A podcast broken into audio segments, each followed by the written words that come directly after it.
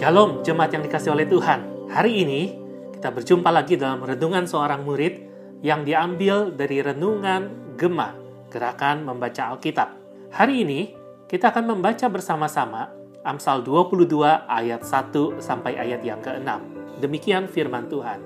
Nama baik lebih berharga daripada kekayaan besar. Dikasihi orang lebih baik daripada perak dan emas. Orang kaya dan orang miskin bertemu yang membuat mereka semua ialah Tuhan. Kalau orang bijak melihat malapetaka, bersembunyilah ia. Tetapi orang yang tak berpengalaman berjalan terus, lalu kena celaka. Ganjaran kerendahan hati dan takut akan Tuhan adalah kekayaan, kehormatan, dan kehidupan. Duri dan perangkap ada di jalan orang yang serong hatinya. Siapa ingin memelihara diri menjauhi orang itu didiklah orang muda menurut jalan yang patut baginya. Maka pada masa tuanya pun ia tidak akan menyimpang dari jalan itu.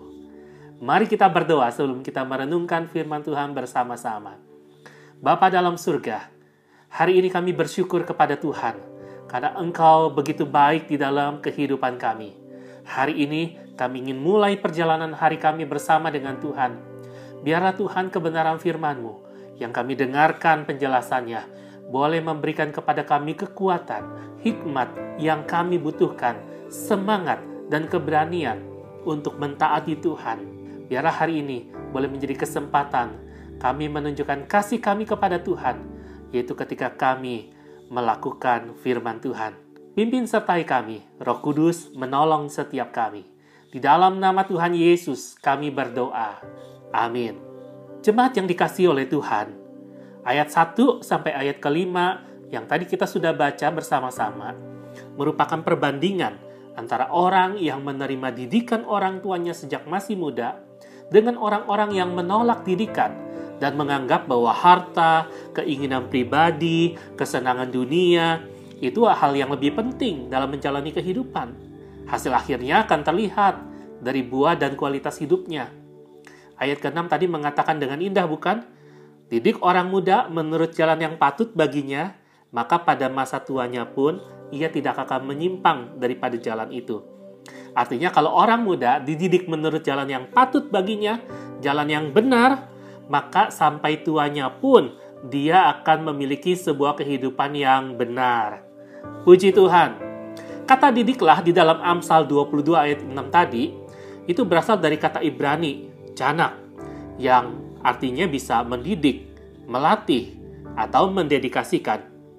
Nah, menariknya, kata ini juga dapat berarti memasukkan sesuatu ke dalam mulut untuk menggambarkan tindakan seorang ibu di daerah Timur Tengah pada masa itu. Waktu melatih bayinya untuk beralih dari minum susu ke makanan orang dewasa. Nah, biasanya seorang ibu akan secara sengaja dia kunyah dulu tuh supaya uh, makanannya hancur, lalu makanan yang sudah hancur karena dia punya, dia oleskan ke lidah bayi tersebut. Nah, tujuannya apa? Tujuannya agar sang bayi mulai mencicipi, mulai menerima makanan yang seterusnya akan dia makan, sejalan dengan pertumbuhan usianya. Jadi, selain memberi nasihat agar orang tua mendidik anak-anak mereka, ayat tadi juga menyingkatkan prinsip dasar tentang pendidikan Pendidikan adalah sebuah proses belajar yang disengaja, seperti seorang ibu yang secara bertahap sengaja mengganti makanan bagi bayinya ketika sedang menyapi. Dalam pendidikan, seorang anak diberi sebuah rangkaian program pembelajaran berjenjang. Itu secara bertahap, supaya anak itu bisa bertumbuh mencapai tujuan pembelajaran. Sama seperti sekolah, mulai dari playgroup, TK, SD, SMP, SMA, dan seterusnya.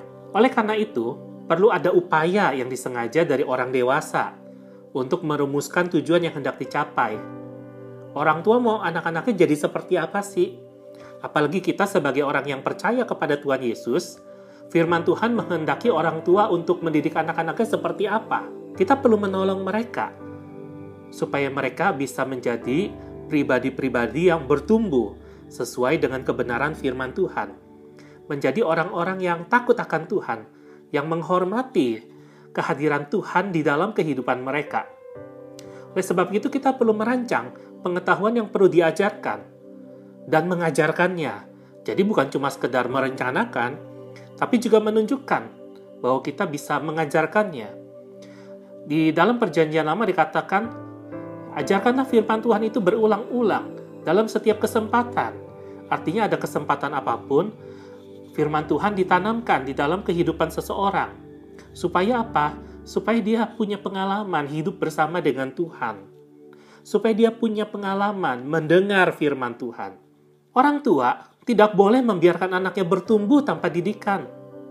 Memang, manusia kan punya rasio, belajar secara alamiah, dan belajar secara spontan dari segala sesuatu di sekitarnya. Namun belajar secara spontan itu belajar tanpa tujuan tertentu, nggak ada tujuan yang hendak dicapai. Masalahnya adalah kerusakan akibat dosa membuat manusia lebih tertarik untuk belajar berbuat dosa daripada belajar taat kepada kebenaran Allah. Di sekitar kita, bukankah kita bisa melihat betapa mudahnya anak-anak belajar berbohong, menyontek, konsumsi narkoba, berantem, lakukan tindak kriminal, dan lain sebagainya pengaruh dunia begitu luar biasa. Oleh sebab itu, tidak mendidik anak itu sama saja dengan membiarkan anak belajar dari dunia yang sudah rusak karena dosa. Dan sebagai orang dewasa, Anda dan saya harus bertanggung jawab untuk itu kalau kita tidak mendidik mereka sesuai dengan firman Tuhan.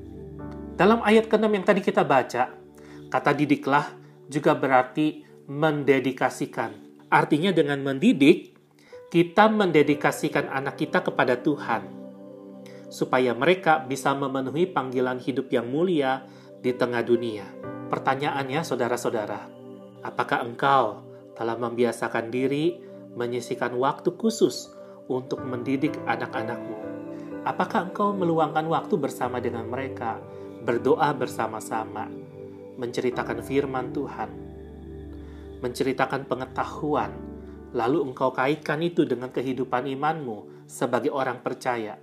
Hari ini pertanyaannya untuk kita, setiap orang dewasa, kepada siapa Anda mendedikasikan anak Anda? Kepada dunia atau kepada Tuhan? Mari kita berdoa. Ini doa kami Tuhan. Ini kerinduan kami. Ini permohonan kami. Kami ingin menjadi orang-orang dewasa yang memenuhi panggilan Tuhan, kehendak Tuhan untuk mendidik orang-orang pada zaman ini, khususnya mereka yang masih muda, supaya mereka hidupnya berkenan kepada Tuhan. Pakailah kami. Mungkin ada di antara jemaat yang sedang mendengarkan renungan ini. Mereka bergumul karena mereka merasa tidak mampu, tidak tahu harus bagaimana Tuhan, tolonglah mereka mulai dari hal yang sederhana, yaitu ketika mereka berkomunikasi dari hati ke hati dengan anggota keluarga mereka. Biarlah ya Tuhan, dengan mendidik anak-anak mereka, proses pemuritan itu juga bisa terjadi di dalam rumah kami masing-masing. Kiranya Roh Kudus memberikan hikmat yang kami butuhkan. Di dalam nama Tuhan Yesus kami berdoa. Amin. Tetap semangat menjalani hari ini. Tetap belajar sebagai murid-murid Kristus yang mau terus bertumbuh di hadapan Tuhan. Tuhan Yesus memberkati.